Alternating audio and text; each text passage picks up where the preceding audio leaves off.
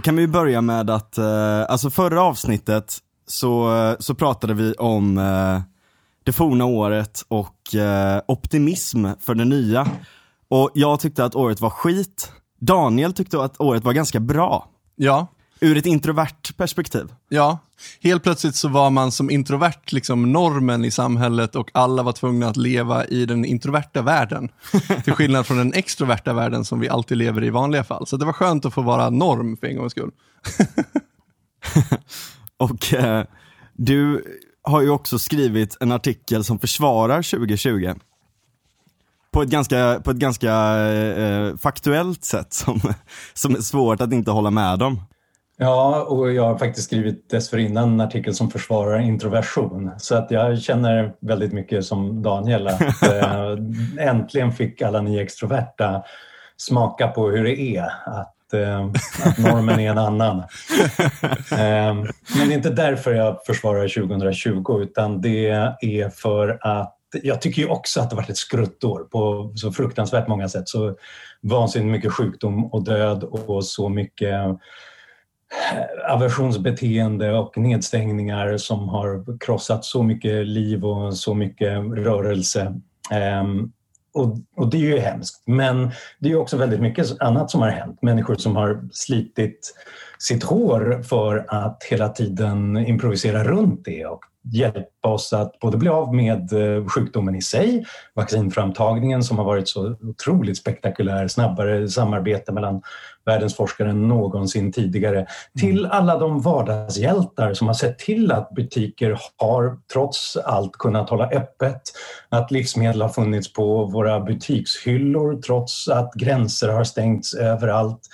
Och då, om vi ska sammanfatta 2020 så måste man ju ta med båda sakerna i beräkning. Vi kan inte bara titta på ett virus och sjukdomen utan också allt vi gjorde för att klara oss ifrån det. Och, eh, och det gjorde jag genom att titta på den preliminära statistiken. Det var den brittiska tidskriften Spectator som bad mig att, eh, att göra det. För de har under många år haft en sån här nyårsartikel som berättar ofta att det här var faktiskt, trots att ni inte tror på det, det bästa året i mänsklighetens historia om man tittar på statistik över inkomster, fattigdom, världshunger och liknande. Och så var det ju inte den här gången. Det här var ju inte det bästa året någonsin. Nej. Eh, Därför att det har varit bakslag på så många håll. Men om man då tittar på hur stora de bakslagen är, när man tar mänsklighetens kreativitet i beräknande också, då är vi, när det gäller fattigdom, när det gäller BNP per capita, när det gäller barnadödlighet, då har vi kastats tillbaka i historien ungefär fyra år. vi, vi är lite bättre än 2016, men lite sämre än 2017. Ja. Så med andra ord, rent objektiva datapunkter, och återigen det är preliminär statistik, vi vet inte riktigt än på ett tag, men så det, finns det bara tre år i mänsklighetens historia som har varit bättre, det vill säga lägre fattigdomsnivåer, mindre barnadödlighet och, och lägre inkomster. Och det var 2017, 2018 och 2019. Och om Mm. vi nu bara kan skärpa oss och snabbt öppna samhällen och om vaccinen funkar och, och handeln börjar fungera igen, ja, men då har vi snart de bästa åren framför oss. Ja. Sen kan man ju säga att 2016 var ju också ett skitår på många sätt. med Brexit och Trump och allt möjligt liksom. Så att det, är väldigt, det blir väldigt salient med de här sakerna som sticker ut liksom och sticker i ögonen verkligen. Eh, som, som corona och allt sånt där också. Men det är kul det här med när man pratar om vilket har varit det bästa året hittills, vilken har varit den bästa eran hittills och sådär också. Och um, i, eh, i din senaste bok Öppen sluten så tar du upp en ganska intressant anekdot där. Om, eh, om hur man reflekterar över tid då helt enkelt. Där många blickar bakåt till olika år och Vissa blickar kanske tillbaka så långt som till 1950 där man säger, ja men det här var, vi hade starka familjer och vi hade stark industri och alla hade jobb och det ena och det andra och det tredje. Men då blickade man tillbaka till 1920 och 1920 Ja. blickade man tillbaka ännu tidigare och så vidare liksom. Ja. Men det är ju så, det finns en... Woody Allen gjorde en film för några år sedan som heter Midnight in Paris som handlar om den här längtan tillbaka till eh, tidigare epoker och då genom ett litet trick of the imagination så hamnar ju huvudpersonen där och det liksom 20-talet och det är så spännande och han vill dit. Men han talar med de som är där. Bara, Nej, jag skulle vilja tillbaka till La Belle Époque och 1890-tal. Det var då allt var bra. Men alla på 1890-talet naturligtvis tyckte nej, allt förstörs nu. Järnvägar och telegrafen har drivit upp tempot och teknikförändringen så mycket så vi håller på att bli galna. Vi måste tillbaka till något mer genuint och äkta 1850-tal. Och när man talar med historiker om varje epok sånt där så, så fortsätter man ju jaga tillbaka i historien epok efter epok tills man till slut hamnar i det antika Mesopotamien för 5000 år sedan. Därför att rätt snart efter att mänskligheten där uppfann det skrivna ordet så började vi skriva texter om att Gud vad jobbigt allt är nu. Nu är ba barnen respekterar liksom inte föräldragenerationen. och affärsmännen de är korrupta och ledarna de, de bara ljuger och bedrar. Vi, vi längtar tillbaka till något, något bättre förflutet. Och det är väl det där, den insikten om att vi alla är nostalgiska. Och jag, menar, jag är det också. Jag vet att den bästa musik som någonsin gjordes var på 80-talet. Och den enda musik som är bra nu för tiden är sånt som låter som depprock och synt från 80-talet. Och så tycker varenda generation också. Därför att man hade eller hur? Eller vad tycker ni? Ja, ja verkligen. Ja, verkligen. Det är som att man har någon så bias för historien på något vis. Så att man kommer ihåg det som var kul, men man kommer inte ihåg det som var tråkigt. Liksom. Ja, ja, visst, och så alltså. bara, åh, det var så, så, så gött godis på 90-talet. Och så bara där. Ja, precis. Man kommer bara ihåg det som var bra hela tiden. Ja, nej men jag, jag har lite sån... Ja, jag har lite sån tendens just med, med musiken och jag gillar verkligen ny musik som pushar gränser, framförallt elektronisk musik där man testa nya olika ljud och liksom hela den biten och den utvecklingen. Men så här, populärmusiken så, så kan jag bli riktigt så gubbig och jag är bara liksom, nu fyller jag 26 snart liksom. jag har redan börjat få det där, ja den här det är som spelas på radion, det är inte så jävla roligt. ja, så blev jag när, när jag var 12. Och så har ju varje generation alltid varit och det finns, eh, tycker jag, ett citat som jag tyckte beskrev det där perfekt var författaren Douglas Adams som skrev Lyftarens guide till galaxen som poängterade att detta gällde med teknik och vår syn på hur tekniken funkar, kommunikationsteknik och allt annat. Men mm. det kan ju tillämpas på alla områden och det är tre lagar. Och det är att all den teknik som existerar i världen när du föds det är normalt och det är vanligt och det är en naturlig del av hur det är. Det är, det är liksom ett ekosystem. Mm, liksom. Exakt, men sen kommer punkt två och det är allt som uppfinns när du är mellan 15 och 30 ungefär. Då är det nytt och det är spännande och du är först med det. Och föräldragenerationen fattar ingenting för här är det nya som kommer förändra allting. Men så kommer tyvärr punkt tre och det är att allting som uppfinns efter att du har fyllt 30-35, det strider mot tingens naturliga ordning och borde helst förbjudas. Och, och så, det, är, det är många, några av oss som liksom kämpar mot detta intellektuellt men jag tror att emotionellt så eh, det här resonerar med väldigt många och det är därför vi inte ska lita på magkänslan när vi ska utvärdera olika epoker eller olika årtal och liknande. Därför att alla har haft magkänslan av att ja, det som händer efter 30-35, det, det, är bara konstigt. Ja. Och du hade ett, ett sånt eh, kapitel i boken också där du pratar om invandring. Just att varje gång det kommer invandrare så säger vi de här, just de här är speciella, de kommer inte passa in, det kommer gå åt helvete med samhället. Och sen typ så här 10-20 år senare så bara så här, ja men de var de bra invandrarna, men de som kommer nu, mm. de är inte bra. Ja. Och så där har det varit liksom sen jämt. Jag kommer ihåg på 90-talet när det kom eh, juggar som man sa då. Liksom. Ja. Och de var ju problemet. Och nu liksom pratar man om de som kom från forna Jugoslavien som säger, ja men det var riktigt bra invandrare. De anpassade sig. och, och liksom, samma med turkar och italienare som kom på, var det på 70-talet? När de arbetsfri, alltså, Ja, så har det varit varenda jävla gång. Ja, och italienarna också, de jävlarna. Ja, de jävlarna. Precis. ja. Jag skriver mycket om det utifrån det amerikanska perspektivet. Därför att, dels för att det är den stora marknaden för min bok men också därför att det är det arketypiska invandringssamhället där alla kommer någon annanstans ifrån. Mm. Och jag blev rätt paff när jag insåg att liksom de stora kosmopoliterna mitten av 1700-talet, sådär, Benjamin Franklin och St. Thomas Jefferson och sånt, de tyckte att vi har ett spännande experiment på gång nu, men det är lite läskigt för nu börjar det komma svenskar och tyskar. Ja. De, de kommer ju från så här reaktionära monarkier. De kommer aldrig kunna anpassa sig efter den frihet som vi har här. Så antingen kommer de bli ja, avveckla demokratin eller så kommer de bli så här lössläppta libertinska anarkister fram ja. när, när de möter friheten här. Och nu är det ju naturligtvis då svenska och tyska arvingar som sitter och klagar på dagens invandrare i, i, um, i USA. Ja. Och specifikt, liksom, tänk den stora invandringskritiken i USA i mitten av 1800-talet, det var ju irländarna. De ja. var värst. De var ju brottsliga och alkoholiserade och de skulle aldrig få några jobb och liknande. Och de som nu är arvtagare till den typen av invandringskritik, det republikanska partiet efter Trump, de är ju helt övertagna av irländarna. liksom, Alltså, de har vicepresidentskapet med Mike Pence här, de tog senaten med Mitch McConnell. Eh, Steve Bannon, Kellyanne Conway. Det är ju bara irländare. Eh, exakt, hade, man, exakt. hade man sagt det i mitten av 1800-talet, att de skulle liksom sitta där överallt och i, till och med i eh, hög, Högsta domstolen, då hade man ju dragit slutsatsen att USA då skulle vara slut som nation. Ja. Fullständigt. Medan nu så betraktar de sig i alla fall som de som upprätthåller det. Och det ja, exakt. Inte, de är de mest amerikanska vi... av alla. Liksom. Ja.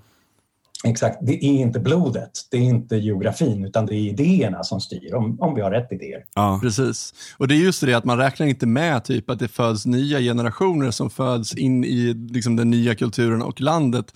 Och framförallt så räknar man inte med det här faktumet att de som faktiskt tar sig från andra sidan planeten mot något nytt, det är ju en väldigt speciell typ av person ofta som gör en sån resa. Eh, så att, jag menar, ja, men ta, ta svenskarna som flyttade till USA som du tog upp. Eh, det var kanske inte de som var de mest eh, liksom, eh, de största royalisterna och liksom ville liksom, bygga ett nytt Sverige nödvändigtvis, utan de var ju de som ville komma till något nytt och eh, upptäcka friheten i det nya landet. Liksom. Det, så det är bara så konstig idé att tänka sig att så här, det här är de som stannar kvar och vill hålla det som det alltid har varit. Man bara, fast de har ju flyttat över hela planeten. Det är ja. jättekonstig idé. Precis. Mm. Det är en väldigt viktig poäng och jag funderar ibland på, menar, om någonting skakande händer i Sverige, vilka av mina vänner skulle vara snabbast med att ta sig till andra sidan jordklotet till ett land där de inte talade språket ja. och inte hade några vänner och, och släktingar? Ja, det är inte inte de som är minst frihetligt och entreprenöriellt sinnade. Nej, Nej. exakt, precis.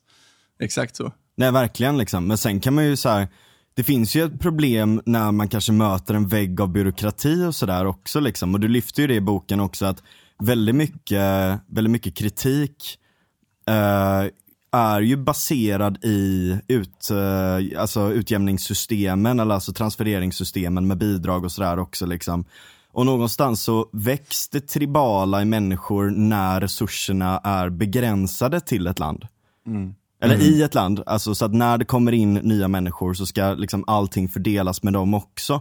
Och just det nollsummetänket som har dominerat, inte bara kritiken mot systemet utan i viss mån systemet i sig också, är ju en väldigt, väldigt, ett väldigt stort problem. För att på, i, i de allra flesta konstruktionerna runt liksom mer arbetsbetonad invandring så är det ju inte ett nollsummespel, utan det ger ju mm. mer. Det ger mer arbetskraft, det ger mer innovation, det ger helt nya former av eh, butiker, helt nya former av uh, idéer till företag och allt möjligt. Liksom.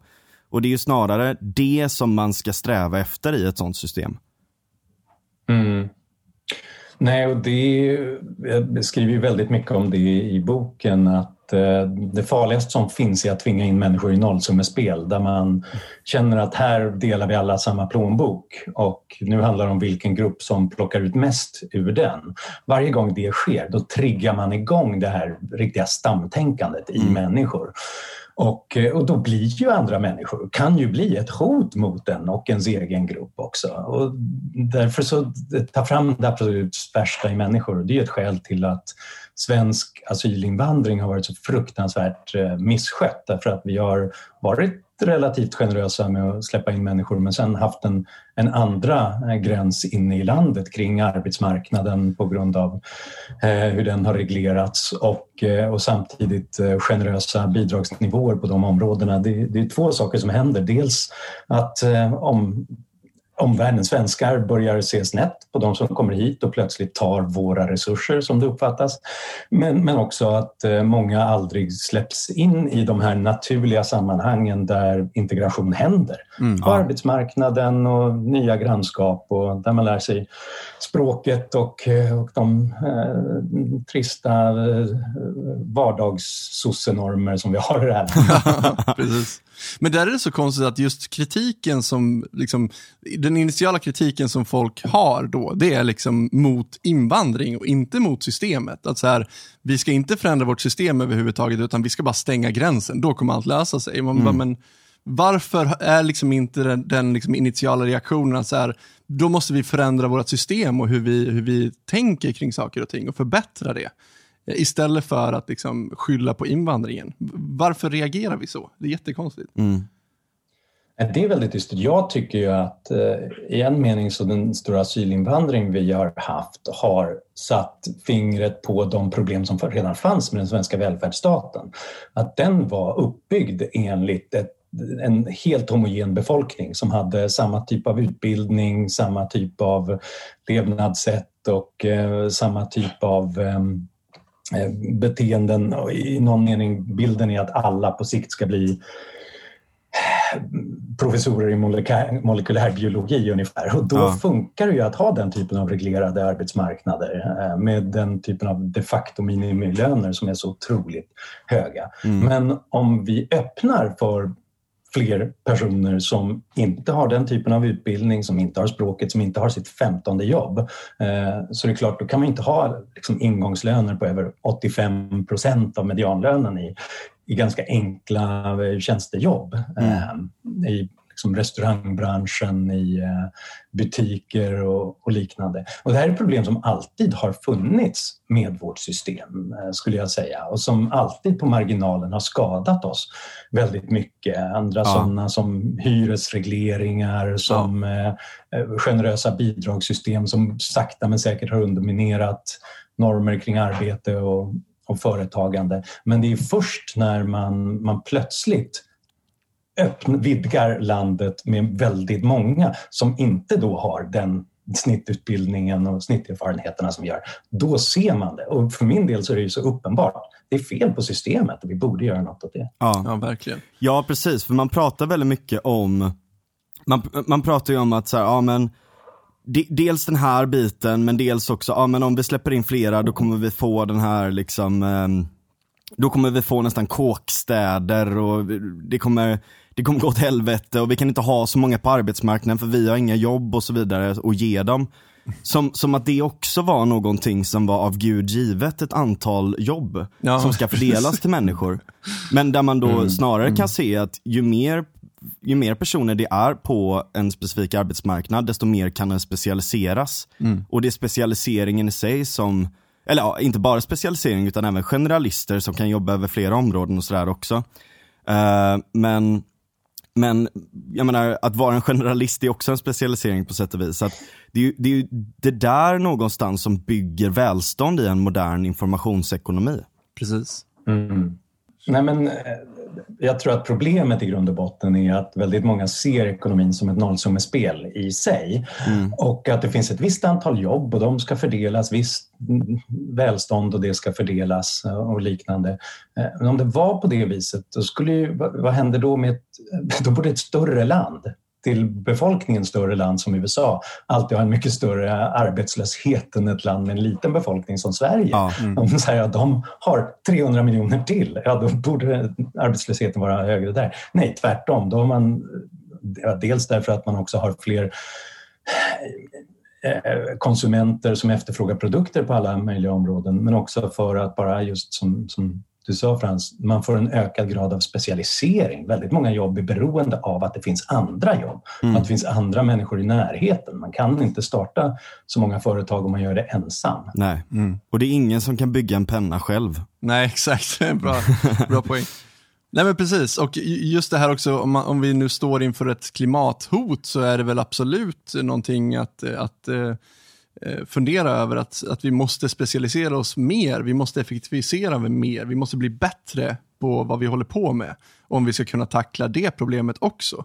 Så Mm. att, ja, det, där har vi också ett argument för att faktiskt öppna upp också. Ja. Jo men en viss kritik, om man nu tar klimatfrågan sådär, så är det ju kanske, det är, det är väldigt lätt att stirra sig blind på tillväxt. Eh, och om vi, jag menar, om vi backar bandet 200 år till där vi var innan, så kan man ju se att sedan 200 år så har vi ökat inkomster 3000 procent. Eh, ungefär. Är det, det, stämmer väl Johan? Ja, det får man säga. Där, däromkring. Ja. Det, eh, det är svårt att säga något exakt, men ja, Men är ju- 3000 procent. Och då är det ju inte bara konsumtion som det handlar om, utan det handlar ju om bättre former av konsumtion också.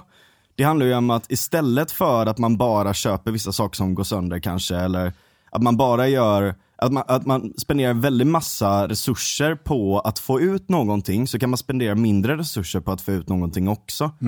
Exakt. Och, och där känns det som den andra, kan man säga, pessimismen som, som jag tycker är väldigt, väldigt dominant just nu. Det är att man riktar in sig på tillväxt och att man riktar in sig på inkom, alltså höga inkomster. Som att det skulle vara en indikator på att vi förbrukar för mycket resurser och hela den biten också. Och jag menar i viss mån så är det ju så. Men det behöver ju inte natur, det är ingen naturlag att det måste ske på det sättet utan vi kan ju förbruka bättre saker med- för mindre spenderad tid också. Jag tror att problemet här är att vi under lång tid hade en tillväxt som, och låt mig bara först försvara tillväxten, alltså de här 3000 procenten. Det handlar inte om att vi fick mer prylar. Det handlar inte om att vi fick klassigare bilar och, och sånt. Framförallt så handlade det om att vi äntligen fick liksom, värdiga liv. Vi fick en Ja. situation, vi gick på 200 år från en värld där hälften av alla barn dog innan de nådde vuxen ålder. Vi hade en genomsnittlig livslängd på ungefär 30 år. Eh, Det ökade till drygt 70 eh, idag. Eh, Vi har minskat den extrema fattigdomen från nästan 90 procent världen över till ungefär 9 procent idag efter pandemin. Det har gått upp en liten smula i år. Eh, Det, det betyder att mänskligheten för första gången liksom kom upp tog sig upp från gyttjan som de flesta av oss har levt i Ja. under all denna tid. Där fattigdomsmått har varit detsamma som ja, överlever du så är du inte fattig för då har du haft råd med det dagliga brödet. Allt annat därefter har varit lyxproblem i någon mening Ja. eh, jämfört med denna, denna ständiga strävan för att, att bara hålla ens barn vid liv. Det är vad tillväxt har inneburit och det har varit en gåva för mänskligheten. Ehm, sen så har den fört med sig vissa problem också. Och I, I början så är vi van vid att det bara är mer produktion av, av det gamla. Vi använder mer resurser och mer fossila bränslen för att tillverka någonting. Och det, det kan naturligtvis skapa stora miljöproblem och eh, den globala uppvärmningen är ett tecken på det. Men vi håller ju på att ta oss ifrån det mer dematerialiserande tillväxt som pågår. Kolla bara på, på smartphones och det har tagit över alla, alla de kartor och väckarklockor och eh, stereoapparater som vi en gång hade. Ehm, MIT-forskaren Andrew McAfee eh, beskrev nyligen i en bok som heter More from less som är väldigt bra att bruket av, eh, jag tror att det är 66 av de 72 naturresurser av olika slag som dokumenteras av amerikanska myndigheter minskar nu. Ja. Alltså allt från liksom aluminium och koppar till sand och trä och papper och, och, och fossila bränslen. Och vi såg en liknande studie i Sverige som var eh, av Jonas Gravström och Christian Sandström, Mer för mindre. Mm. Och, och det visar ju att tillväxt handlar inte om att göra liksom plocka in mer ingredienser hela tiden i varje mat vi lagar utan det handlar om att göra smartare recept. Komma på hur man kombinerar ingredienserna bättre så att man förhoppningsvis lagar något ja, lite godare, kanske lite mer hälsosamt. Ja, verkligen. Ja, och McAfee har ju också skrivit en bok, eh, eller två böcker till och med på samma tema, eh, tillsammans med en annan som heter Brynjolfsson, eh, om jag minns rätt, eh, som heter The Second Machine Age och en annan bok som handlar mer om tillämpningar i företag sådär då, med artificiell intelligens och automation, eh, robotik och så vidare då. Och där är ju, det är ju ett område som, tycker jag, liksom lyfts, det lyfts väldigt, väldigt mycket i vissa kretsar, men i många andra kretsar så, så lyfts det inte tillräckligt mycket. Jag tror att många förstår inte hur långt vi har kommit inom det här. Och, och, och var vi är på väg. För att under allt det här jävla käbblet vi har haft det senaste decenniet om sociala problem, identitära problem, eh, kulturella problem, allt möjligt. Mm. Så har det skett en tyst revolution inom den tekniska utvecklingen som, som kommer att automatisera så många delar av vårt samhälle mm. och göra i princip att vi inte behöver lägga egna arbetade timmar för att få lika mycket välstånd. Mm. Och, och det är en revolution som kan mäta sig kanske till och med större än den första industriella revolutionen som, som gav oss 3000 procent i princip då på, mm. på 200 år. Så vi står ju inför ett nytt sånt steg också. Exakt. Så man behöver inte bara blicka tillbaka och säga, ah, men det var det steget där borta och det var det som gjorde att vi lyftes upp från gyttjan, utan nu lyfts vi upp i skyarna. Ett för nytt steg. För att göra en lite rolig poäng, min, eh, min sambo la upp en annons för något år sedan på Facebook. Och så var det en, en äldre man som klev in och skrev på den annonsen att så här, nej men den här grejen behöver jag inte. Och då kommer jag ihåg att jag tänkte typ att så här, vad, vad fantastiskt det är liksom, om man om man skulle liksom titta på den utvecklingen som vi har gått igenom sedan den här mannen var ung, eh, där vi är idag. Eh, om man skulle kvantifiera, kvantifiera samma liksom utveckling eh, fram tills han var i våran ålder, så att säga, så är det typ som att han skulle sitta på 60-talet och kolla på tv med Gustav Vasa. Liksom. som att han skulle sitta där och bara säga, vad är det här, vad är det som händer här? Alltså det, är liksom, det går liksom snabbare och snabbare med utvecklingen, vilket får sådana roliga konsekvenser. Liksom. Ja, verkligen.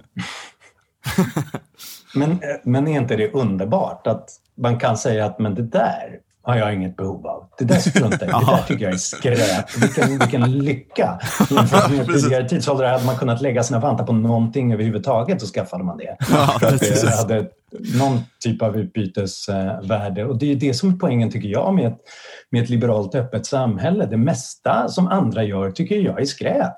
Och det, mm. det, ja, vad bra att det finns andra som inte tycker det. Så kan de fixa med det och skaffa sig sånt medan, medan jag kan skaffa mig det som jag tycker är av riktigt värde. Och allting sammantaget som sagt leder just till att vi kan, vi kan få mer för, för mindre tid. Man kan välja att gå ner i arbetstid och engagemang och eh, slit för, för att få ungefär lika mycket som förr om man tittar tillbaka under de senaste hundra åren så har vi ungefär halverat vår arbetstid.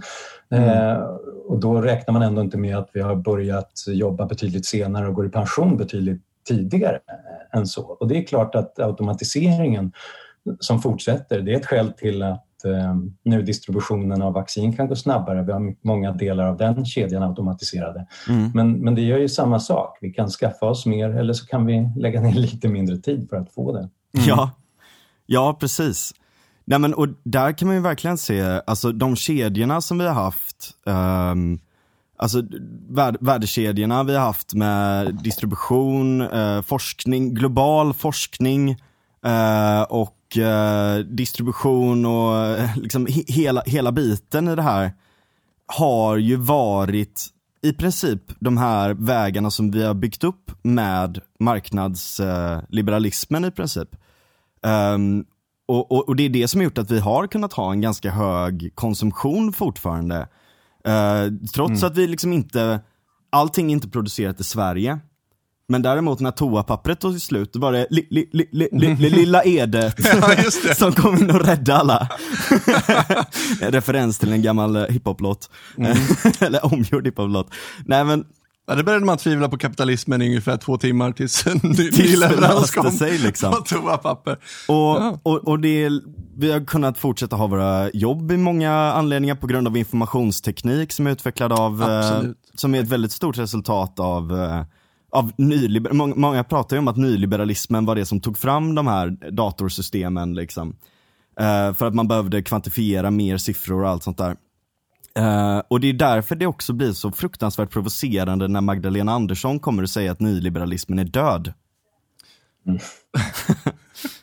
Igen. Ja, Igen. exakt. Igen, jag tänkte precis säga det. Ja. Ja. Jag tog fram de där första klippen när Palme efter eh, statsminister Olof Palme efter 85 års val var det väl, 1985. Nyliberalismen är död. Den har verkligen dött fler gånger än greve Dracula vid det här laget. Men av något skäl kommer den tillbaka och, förstör världen igen. Ja. Ehm. Ayn Rand älskade katter, det kanske är för att den har lika många liv som Ja, liberalismen. Ah, ja, nej, men det gör jag med. Så, Vår Cornish Rex katt Sansa går runt här ehm, och håller mig i sällskap medan jag poddar. Ehm, katter är som eh, Albert J. Nock, den gamla anarkisten, sa, naturens ärkeindividualist också, Ja. som inte tar kommandon utan gör som den vill. Eh, så det var kanske därför Rand gillade det också. Men ehm, ja, det- här med hur... ja, Vi måste tänka över hur det kunde gå så pass bra trots att världen gick sönder Mm. under den här krisen. Alltså, och toapappret är, tycker jag, en symbol för detta. eh, det är... Man tror ju, gränser stängs, lastbilar stannar, människor håller sig ifrån varandra, lämnar fabriker och lämnar butiker. Och ändå så var det värsta som hände att toapappret var borta i några dagar. Man fick gå tillbaka till butiken senare. Det är en helt otrolig o- otrolig improvisation som har genomförts av miljontals människor under den här eh, pandemin. Och vad det handlar om är ju att alla har improviserat utifrån sin lokala kunskap på ett sätt som man bara kan göra om miljontals människor gör det. Det här ropet på att det ska finnas någon, vi behöver en stark man, vi behöver någon ledare, nu måste staten komma tillbaka och fixa våra problem när det är så här. Allt sånt är begripligt, psykologiskt och evolutionärt därför att en gång i tiden var det enda hotet vi hade var att liksom, det kom ett rovdjur eller en annan stam och skulle döda oss. Och då måste vi ha hövdingen som visar vart ska vi springa för att slå ihjäl någon. Ja. Men våra problem är lite mer komplexa än så. Det är inte någon som står där som vi ska slå ihjäl, utan det är Finns det någon här på vår jord som plötsligt kan öka produktionen av toapapper? Finns det någon som tidigare levererade livsmedel till restauranger som nu är stängda som istället kan göra det till eh, hemleverans för mat som Mm. det nu finns en ökad efterfrågan på? Mm. Finns det kosmetikaföretag som kan göra handsprit? Finns det möjligen eh, whiskyproducenter som, som kan göra detta? Vi, fick, vi gick från att ha, jag tror det var 12 europeiska företag som tillverkade ansiktsmasker till att på två månader hade vi 500 stycken. Oj, ja. Det, och det var ju bara möjligt för att alla ställde sig själva frågan vad kan vi göra med de resurser och med den arbetsstyrka som vi har här? Och vad är det vi kan avstå från att göra utan att det uppstår katastrofala brister någon annanstans? Det vill säga, det är bara nyliberalismen som kan fixa det. Det är bara Ja. människor som frivilligt och företag som kan göra det genom att de tittar lokalt vad precis just de kan göra. Om man har någon stor stark man eller någon stor stark Magdalena eh, Andersson som pekar med, med hela handen. Hon kan inte veta det för man kan inte centralisera all den kunskapen utan det är något man, man känner i sin vardagliga verksamhet istället. Ja. Och, Om det är där, någonting som har visat så är det ju liksom att det, marknaden funkar. och just där har ju prismekanismen en så viktig funktion. Just att Verkligen. när handspriten, liksom, när det blev så hård åtgång på handspriten, då åkte ju priset upp, vilket skickade en signal till folk som faktiskt kunde tillverka handsprit, men kanske inte hade gjort det tidigare, men kunde ställa om eh, lite grann för att göra det, hade liksom ett snabbt incitament att säga, herregud, här kan vi tjäna pengar, här måste vi Ja. ställa om och kunna göra det här. Liksom, så snabbt gick det på grund av att den signalen var så snabb. Liksom. Mm. Och resultatet är en win-win-win. Exakt. Det är liksom win för de som producerar, de som kommer in med kapital och säger nu ska vi producera det här. Det är en win för de som får anställning och får en lön för att producera det. Och det är en win för konsumenterna som i slutändan faktiskt får handsprit. Som inte blir slutsåld på en sekund för att priset fortfarande är lågt. Precis. Utan som kan följa de här marknadsmekanismerna och kanske hålla sig undan lite ett tag eller köpa en och hushålla med den tills de kan köpa nya igen. Mm, precis. Men ändå är det så nyliberalismen som är död. Kan man förklara det för mig? Det där är så konstigt att nyliberalismen är död hela tiden, men det är ändå alltid nyliberalismens fel allting. Kreativ förstörelse. Hur, hur får man ihop det här? För jag, jag, kommer, jag, jag kommer ihåg i våras så var Viktor Pressfeldt eh, ute och viftade i GP om att eh, det var nyliberalismens fel. Alltså, det var verkligen, rubriken var eh, typ nyliberalismens fel att vi har så få sjukhusplatser eller någonting sånt där i Sverige. Ja. Eh, och ja. Hur det nu är liksom. ja, jag vet inte riktigt hur. Men eh, det finns, det finns en, en, en vilja att alltid skylla på nyliberalismen och alltid säga att den är död. Jag Ja. förstår liksom inte hur man får ihop det här. Ah, nej, visst. Men, men sen jag läste en, jag tror faktiskt att det var en, en TT-notis som förklarade att eh, Nordkorea hade svältkatastrofer på grund av för mycket nyliberalism i landet. Sen jag såg den notisen så kan jag aldrig mer ta någonting på allvar om att det är nyliberalismens fel. Jag blev vaccinerad för livet. Ah, det är ju helt bisarrt ju. Det var det bästa jag hört. Ja, herregud. ja. Ja, men det är... För mycket frihet i Nordkorea. Det är verkligen det som är problemet. Precis. Men alltså tyvärr så är ju inte statens klåfingrar döda för att när man försöker ställa om, alltså det finns som, bra- det är som bra exempel där i Malmö då. Att så här, okej, vi kan inte gå ut på krogen längre. Um, och uh, inga musiker kan spela någonstans och det ena och det andra. Uh, så vad gör krogarna då? Okej, men då får de ställa om. Så att då, då liksom börjar man tänka, okej men hur kan man göra? Ja men det är väl ganska bra att folk inte står och trängs på Systembolaget.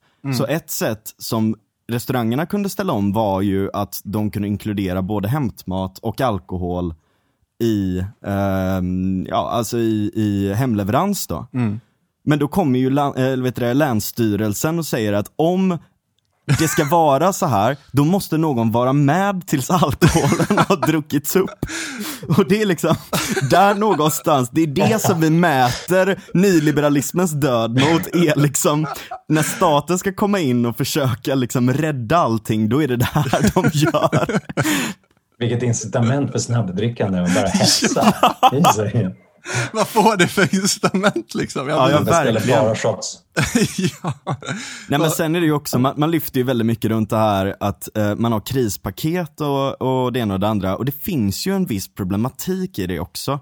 Alltså, att bara ge i princip pengar ut till de som lyckas skriva i rätt formulär och, och så vidare så där, gör ju att dels så är det ju vissa företag som kanske hade gått omkull ändå, som inte gör det. Så det blir, en, det, det blir liksom en negativ effekt av att vissa företag får pengar för att vara kvar. Som så här konstgjord andning, trots att de inte borde vara det. Eh, även om corona inte hade funnits liksom. Medan många andra företag som kan ställa om inte får incitament att göra det. Eller ja, helt enkelt inte får pengar nog för att de klarar sig samtidigt som de har eh, de här begränsningarna på sig. Och jag menar, min pappa är musiker. Han fick, eh, han fick stöd. Eh, och det var ju liksom, det var ju jävligt, det var ju jävligt gött för honom liksom. Men det var ju inte jättemycket pengar sett till ett helt år. Och det var ju, han var ju en av ganska få musiker som fick det. Samtidigt som alla andra musiker då måste vara hemma och inte kan göra någonting i princip. Och, och, och de stora inskränkningarna är ju väldigt, väldigt allvarliga ändå. Nej, men här, är- det här är ett komplext område tycker jag därför att det finns ju skäl, tycker jag, med stöd till de som och jag jag menar, musiker är faktiskt en, precis en sån grupp som faktiskt får yrkesförbud Mm. just nu.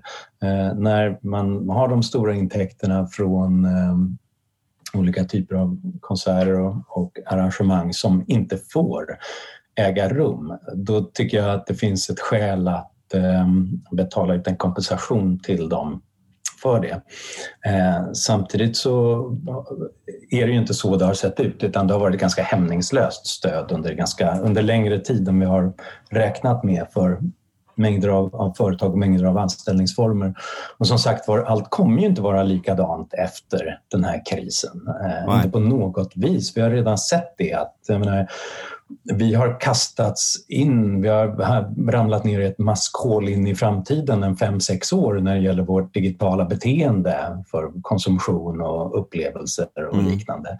Så det är mängder av affärsmodeller som inte funkar längre och inte kommer att funka och många andra som plötsligt har uppstått. Och då kanske inte det bästa är att stödja alla gamla anställningsformer och gamla företag som inte är hållbara utan vi får fler och fler ja, zombieföretag, levande döda som bara stapplar på. Trots att de inte har intäkter så ser staten till att hålla dem på life support på, mm. på det sättet. Jag tycker tvärtom om vi ska få se en snabb återhämtning eh, någon annanstans än på TV, då måste ju det ske genom att vi, vi snabbt för över kapital och arbetskraft till de affärsmodeller som nu visar sig vara konkurrenskraftiga. Mm. Och, eh, och då behövs det ju mindre stöd och mer brutal nyliberalism. Ja, Exakt. Skattesänkningar istället för stöd. Mm. Till exempel? Ja, och jag menar, det, det var vad jag föreslog under när krisen slog som värst. För att jag det finns skäl att liksom staten tar ett, ett stort ansvar eh, och särskilt för de som inte får utöva sin verksamhet på olika vis. Mm. Men skulle det inte vara bättre med en generell då skatte-holiday ja. skattesemester, eller vad heter det på svenska? Ja, att, att liksom, här drar man bort det fullständigt lika för alla. Eh, då, vilket innebär att man inte snedvrider och gynnar de som, som har mindre lyckade affärsmodeller mm. än andra, utan, mm. utan samtliga. Så att det är konkurrensneutralt men samtidigt ett stöd till alla på det viset. Ja, precis. Ja, det är en väldigt mycket bättre lösning. Men då har vi det kruxet också att då har ju staten inte samma makt att dela ut de här pengarna sen. Nej. och det är väl ett instrument mot det då, att staten vill inte göra så. Nej precis, för att för... någonstans så legitimerar det dem ja, precis. Och, och ger dem power, att de kan vara de som när det går dåligt så kan, de, så kan man komma och, och be och böna till dem. Precis. Så att, um... De älskar de här presskonferenserna och säga att nu har turen kommit till er Aha. i jag vet inte, stearinljusindustrin eller liksom, eh, serverhallarna. Nu ska ni få pengar av mig. Det, ja, det, jag förstår verkligen alla drivkrafter bakom det, men det är så fruktansvärt destruktivt. Det är det som mm. förklarar det mesta som är fel med stödformer på alla plan, eller politik egentligen på alla plan. Att man vill vara den som är med på fototillfällen som skapar arbetstillfällen för någonting här borta. Ja. För det syns, det är märkbart, det är påtagligt och sen så ser man inte vad, vad de stöden får för konsekvenser på annat håll, vad de skatterna innebär för andra företag som investerar eh, detta. Det är ett av skälen till att miljöpolitiken inte funkar tycker jag. Alltså det skulle alla ekonomer egentligen, alla som studerade cost and benefit relaterat säger nej men generellt, ta betalt för alla utsläpp. That's it. Se till att de som smutsar ner får betala ordentligt ja. för det. Och då kommer det innebära en generell drivkraft för alla forskare, företag, konsumenter att leta, sig efter, leta efter andra grejer. Och vi har ingen aning om vad de kommer att hitta för bra gröna grejer i framtiden.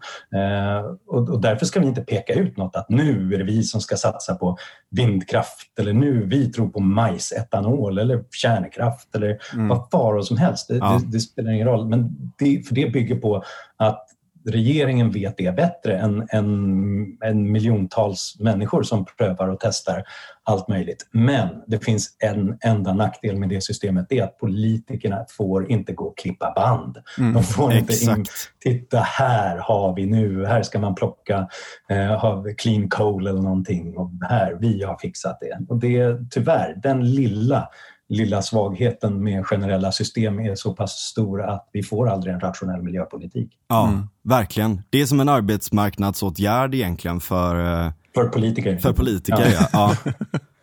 ja. exakt. Men hur tror du att man kan ändra den uppfattningen? Alltså för att det är en sån sak som jag bankar mig i huvudet i, eh, i väggen över ganska mycket. Just att man tror att man kan välja vinnare och att politiker som har en ganska bristande kunskap om själva tekniken eller själva lösningarna i sig, utan mer kanske är generalister, alltså att de, de har en idé om hur, hur saker och ting funkar, funkar på makronivå eller de, de har en idé om hur de vill att samhället ska se ut och så vidare. allt sånt där. Uh, men, men de, är ju inte, de är ju inte bra på att välja vinnare och hur förmedlar man det på ett bra sätt tror du? Nej, men jag önskar att man kunde säga att det är en fråga om kunskap om att eh, politiker inte är bra på att välja vinnare men jag tror att vi har tillräcklig kunskap på det området. Samlade forskningen på, är, är så entydig där, så det är inte det det handlar om. Kanske inte, har det inte spritts tillräckligt mycket. Det finns en roll för opinionsbildning, för folkbildning att tala om detta gång på gång. Ja. Därför att man strider just mot många instinkter hos både väljare och politiker. Så att man, man måste på något vis ha, vi måste få starkare intellektuella överjag som tyglar oss själva när vi, när vi ser detta. Ja. Eh, men jag tror också att det har att göra med kanske att vi behöver en annan typ av politisk ledarskap. Och eh, det är otroligt svårt därför att man behöver en typ av politiker och partier som är Dels måste man vinna val, ja. men samtidigt måste man göra det på en agenda där man sänker förväntningarna på vad man kan göra när man har vunnit val. Ja. Alltså sänka förväntningarna generellt på politikens möjligheter och istället uppmana till förändringsvilja och öppenhet hos medborgare och företag för det som faktiskt kan skapa utvecklingen. Eh, nämligen alla, alla miljontals människor i samarbete och i konkurrens. Och, eh, och det är svårt att få ihop, men då och då så har vi haft den, ty den typen av politiker. I någon mening kanske en, en Ronald Reagan var eh, sådan, det, men jag ser det i alla fall som det framtidens politiker har att, att göra. Att, att lyckas inspirera om en bild av framtiden och hur fantastiskt fascinerande och spännande och berikande den kan vara. Men jag kommer inte att göra det utan det handlar om att ni kommer att göra det om jag får möjligheten att ta bort hinder på er väg. Ja, precis. Ja, men det, det, där är fascinerande för att det, det strider väldigt mycket mot hela public choice och hela, hela liksom vad ska man säga, eh, konstarten av att vara en politiker. liksom. Mm. Men, och, och, och, allt det vi är vana mm. vid. Så att, eh, jag håller med dig, det är väldigt, väldigt svårt alltså. Mm. Sen är det ju ofta så, jag har dragit upp den här poängen flera gånger i podden, men jag tyckte att det var så bra poäng just att vi hade med Anna Nachman i somras i ett av våra första avsnitt, eh, där hon gjorde en ganska vettig poäng om just det här med dödshjälp. Vi pratade om det och hon sa att eh, hon är emot dödshjälp, Eh, i princip är hon för det, alltså principen att man ska få välja, eh, bestämma över sitt eget liv själv och så vidare. Men hon ser en risk med eh, att liberalisera på det området just för att eh, det kan få motsatt effekt och kan få effekter i det samhället vi lever i som man inte vill ha. Till exempel att eh, Eh, det kanske ger incitamenten att, att liksom försämra sjukvården för att man kan alltid ge det alternativet till folk att så här, ja, men det är lite billigare om du, om du dör istället. Alltså, så här, alltså förstår du, det kan få ett bakslag yeah. om man liberaliserar någonstans. Vilket är liksom i grunden för att vi bor i ett samhälle som är helt bakvänt emot vad man skulle vilja ha det egentligen. Ja, nollsummespelstänk. Ja, liksom. precis. Liksom. Så att frågan är ju liksom så här, vart ska man ta de första kliven? På vilka områden ska man liksom börja liberalisera, eh, liksom, så, som kan ge en effekt på andra områden också över längre tid? Det är ju det, så, det är en väldigt svår fråga som jag brottas väldigt mycket med. Mm. Ja, vad tror, mm. du, vad tror du Johan? Vad, vad, är liksom, vad är liberalismens så att säga, den svenska liberalismens framtid 2021 och vilka frågor borde vi fokusera på där? Mm. Um, låt mig ge två helt olika um, svar. Den ena mm. handlar om vad vi kanske har försummat och bör ägna oss lite mer åt i Sverige och på mm. andra håll. Och det andra om det finns en sån där sak att börja i. Var kan man få, få igång någon slags processer. Och om jag tar den, den först, den, den eh, här, eh, vad vi bör fokusera på först. Jag tror att det är otroligt viktigt att börja tala om mer om konstitutionella begränsningar eller snarare fördröjningar eh, för politiskt maktutövande. Mm. I, inte bara för hur det ser ut i Sverige utan kanske mer i Polen, Ungern, USA, eh, Venezuela och andra ställen. Menar, om man inte vill att en viss typ av maktmedel ska kunna utnyttjas eh, av en person som Donald Trump eller eh, Maduro eller Viktor Orbán då kanske ingen ska ha det. Mm. Därför att vi vet nu att den typen av personer kan vinna val och eh, snabbt disciplinera partier och till slut hela samhällen och få otrolig makt över våra liv mm. på ganska kort tid. Och eh, men det, vi ska vara tacksamma, amerikaner ska vara tacksamma över alla checks and balances som finns inbyggda i det, de amerikanska institutionerna. Därför hade det inte funnits där hade det kunnat gå riktigt snett eh, med, med dagens republikanska parti där. Och det tror jag är en läxa som man skulle kunna från höger till vänster se poängen av ja, det just nu. Verkligen. Kanske särskilt när man är livrädd för den andra sidan och har kanske lite uppstressat tonläge och tror att de andra är ute efter oss hela ja, tiden. Ständigt ja, men ja. Om det är så, då kanske vi inte ska ha det som ett antingen eller-system där de som får 51 procent kan göra precis vad som helst mot de andra. Utan då kanske vi tillsammans kan komma överens om att det finns vissa saker man inte ska göra även om man har en stor majoritet och vissa saker som i alla fall kräver ordentliga fördröjningar och stelheter och eh, fördröjningar i systemet som olika kammare av riksdagen, överprövning av eh, om det stämmer konstitutionellt och liknande. Det, det, tror jag är ett viktigt område mm. eh, framöver. Men sen om det gäller någon konkret enkel reform som skulle kunna göra stor skillnad så det, min gamla käpphäst är att ta bort källskatten. Alltså ta bort den här idén om att arbetsgivarna tar våra pengar eh, för att vidarebefordra till skattemyndigheterna så att vi aldrig ser hur mycket vi egentligen tjänar. Ja. Utan se till att vi får ut allting och sen så måste vi betala in det själva. Att mm. skapa den transparensen så att man ser vad gör det, hur mycket beslutar det politiska systemet över mina resurser? Mm. Bara så att vi förstår det, är medvetna om det och inte försöker gömma det tror jag skulle skapa en helt annan debatt. Ja. Om jag fick precis som jag ville så skulle man få ut all, alla sina inkomster och sen så skulle man tvingas betala in allt till skattemyndigheterna vart fjärde år och dagen före valet. ja, exakt. jag tror jag skulle förändra psykologin i politiken. Det där är en jättebra poäng. Alltså, och, och, även, Transparens liksom. Ja, och det där kan man ju också förändra på, på, på privat eh, väg också. Till exempel att eh, matbutiker skulle ju kunna börja ge, liksom, sätta prislappar som är eh, exklusive moms. Liksom så får man, så får man ställa sig man där. Man ser det på kvittot kanske, men det ja, gör men man precis. väl ibland? Ja, men alltså såhär, ja. man går och plockar och så bara så ah, nu har jag samlat ihop eh, 300 eh, spänn och jag ska handla mat för. Och sen kommer man till kassan så blir det liksom 25% dyrare allting. det hade kanske också liksom påverkat en i vardagen att förstå hur mycket pengar som går in till det här systemet. Ja. Det tycker jag är en jättebra idé. Tyvärr är den olaglig om jag har förstått saken Aha, rätt. Okay. Det betraktas som man bryter mot någon typ av konsumentskyddslag, att det, ser ut som man hittar på, man ljuger om priset. Ah, Men den det, lilla detaljen. Det, det man gör, det, det är ju bara att staten kommer in och knycker en massa grejer sen. Mm. Ja. Det borde göras. Är du, alltså, för en sak som jag har varit ganska rädd eh, på sistone över är lite utvecklingen hos de liberala partierna, alltså både Liberalerna och Centerpartiet. Uh, att det känns som att man har börjat kanske bli lite, eller jag menar Centerpartiet har varit ganska mycket på det innan också men alltså det här med att man väljer vinnare då.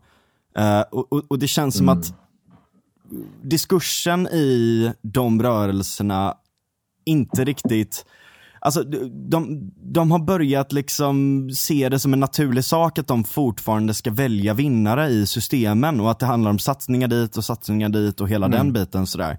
Och det är ju, jag tror att det är skitfarligt för, för Sverige när både de gör det och även MKD uh, och även ja, SD har ju alltid hållit på sådär.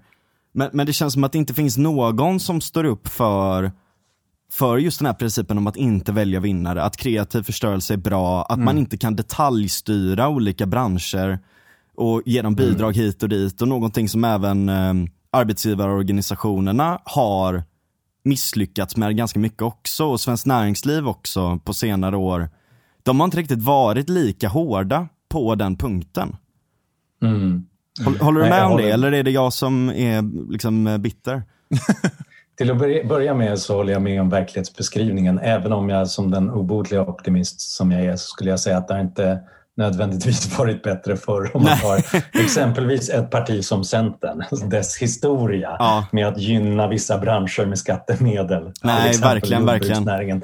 Det är liksom Eskil Olofssons, Erlandssons ja. hette han väl, äh, heter han väl, äh, hans matmiljard eller just vad det, är nu, åka ja. runt och dela ut pengar till dem som han tyckte gjorde bra luncher till honom. alltså, det, det var verkligen det. Ja, jag kanske, det kanske var en orättvis sammanfattning, men det kändes så i alla fall. Ja. Eh, men eh, men det, har ju, det finns ju en insikt ändå i de partierna och i fler partier, i alla fall i Moderaterna om, och delar av Socialdemokraterna också, att det är en galen politik och att generella regler, regelverk lika för alla är mycket bättre. Mm. Men man kommer, jag håller med om beskrivningen om att man snabbt har kommit bort från detta och det har att göra med en av de negativa effekterna av pandemin och tidigare finanskrisen i och för sig, att man äntligen får dela ut pengar. Man ja. får stå där och här kommer nya miljarder och nu, nu kör vi igen. Och tyvärr tror jag att det finns någonting inbyggt i den här typen av koalitionssamarbeten med stödpartier då, ja. med, med Centern och, och, Liberalerna, där de känner att nu måste vi visa att vi har fixat något till de kärntrupper som är viktiga för oss. Mm. Och då faller man in i det här ännu mer, att man ska pytsa ut en, en liten summa hit och en liten summa dit. Och det är väldigt destruktivt. Jag skulle vilja se någon slags nu, nu är begreppet populism ganska belastat med motsatta politiska idéer, men en slags liksom, en sån här sund skattebetalarpopulism som mm. liksom sur på att man delar ut pengar till företag, delar ut pengar till bönder, delar ut pengar till folk. Mm. De, nej, det är mina pengar, sluta! Så ja. det, det, är inte okej. Okay. Mm. Det behövs en motkraft. Ja, verkligen alltså. Vem tror du kan bli det då? Har Liberalerna någon chans att göra det eller behövs det ett nytt liberalt parti? Ska vi, ska vi liksom, är, det, är det den gamla goa grejen man ska försöka igen liksom? Um, eller gäller det bara har... opinionsbilda liksom? Tror du att, alltså, för alla, alla liksom mm. liberala opinionsbildare där ute eller ungdomspolitiker. Jag, tycker det här, jag, tror, jag, liksom. jag, tror att folk är mer liberala än vad, man, än vad politiken är, än vad de, de partierna som sitter i riksdagen är. Ja, jag tror också det. Så att det, det finns ju utrymme för riktiga liberala partier att, att kliva fram, men vad behövs liksom? Ja, ja jag vet inte. Jag, jag har ju länge varit anhängare av föreställningen om att politiken är en, eh, vad heter lagging indicator på svenska, att det på något vis är, den följer av förändringar som sker på andra ställen i samhället och i väljarkåren och ja. i idéklimatet.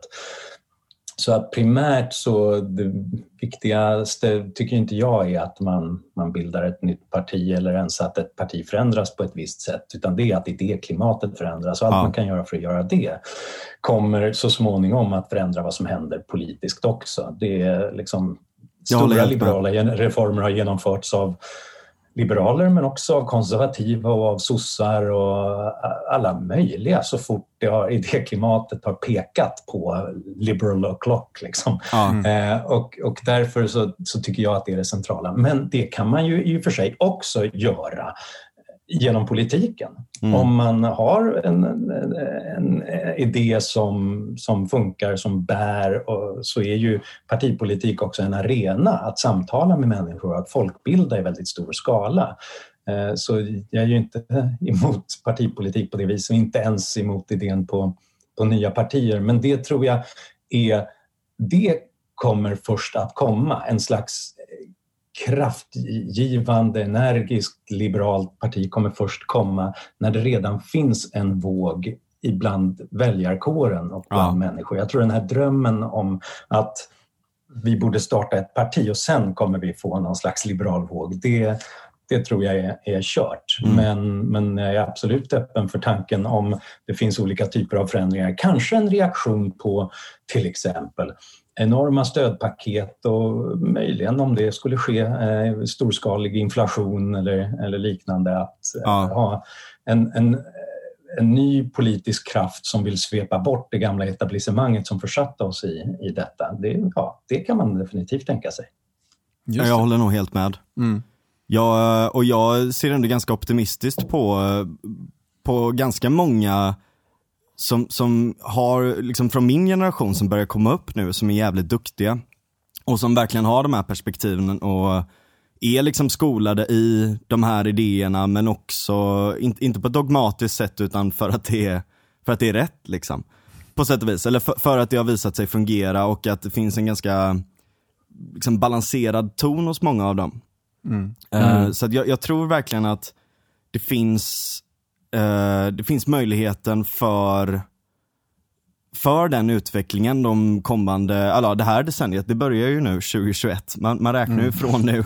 Ja. Och jag tror verkligen att det finns en stor potential för det. Även om det kan på vissa sätt se lite mörkt ut för att även högern har gått mer åt det konservativa och mm. vänstern har gått mycket mer åt det auktoritära på sina håll också. Mm. Så, så tror jag verkligen att potentialen finns.